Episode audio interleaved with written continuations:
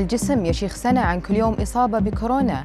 كيف تصبح أكثر نشاطا بدنيا بطريقة واحدة؟ حساء ثنائي الفائدة يقوي المناعة وينقص الوزن. مكمل غذائي يعتبره خبراء التغذية الأسوأ أبرز أخبار الساعات الأربع والعشرين الماضية في دقيقتين على العربية بودكاست. كشف مختص في علم البيولوجيا في جامعة موسكو إلى أي مدى يمكن أن تؤثر الإصابة بفيروس كورونا على العمر البيولوجي للشخص. حيث أشار إلى أن صحة الشخص الذي لم يتم تطعيمه ضد كورونا ستعاني من عدد من العوامل السلبية في حال الإصابة بالفيروس. وبإمكان هذه العوامل السلبية أن تؤدي في غضون عشرة أيام إلى شيخوخة الجسم لمدة عشر سنوات.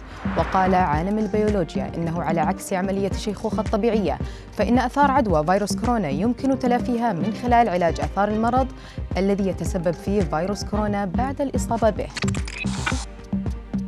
أظهرت دراسة جديدة لباحثين من جامعة كوبنهاجن أن تطبيقات اللياقة البدنية التي تستخدم لمراقبة حركتك ونشاطك يتوفر فيها العديد من الفوائد. ففي العديد من التجارب وجد أن استخدام برنامج لمراقبة الحركة البدنية يمكن أن يزيد من النشاط الأسبوعي والخطوات اليومية واتضح أن مراقبة الأنشطة البدنية قد زادت بين أكثر من 16 ألف مشارك.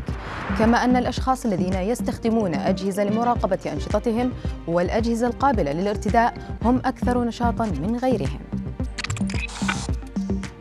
خلال رحلة فقدان الوزن الزائد عادة ما نجرب العديد من الأنظمة الغذائية والوصفات ومشروبات الديتوكس التي تساعد على التخلص من الكيلوغرامات الزائدة. موقع Food NDTV. لخص عدة عوامل تساهم في تحقيق ذلك. منها إدارة النظام الغذائي الجيد وممارسة الرياضة واتباع نمط الحياة الصحي. كما أن هناك العديد من الوصفات الغذائية التي قد تساعد في تسهيل خسارة الوزن.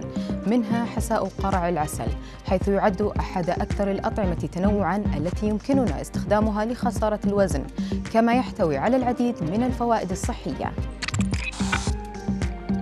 وفقا لتقرير نشره موقع إيتس ذات يكون من المغري العثور على مكمل غذائي يتم الترويج له بأنه يمكن أن يساعد على فقدان الوزن أو يمكن أن يساعد في تسريع العملية.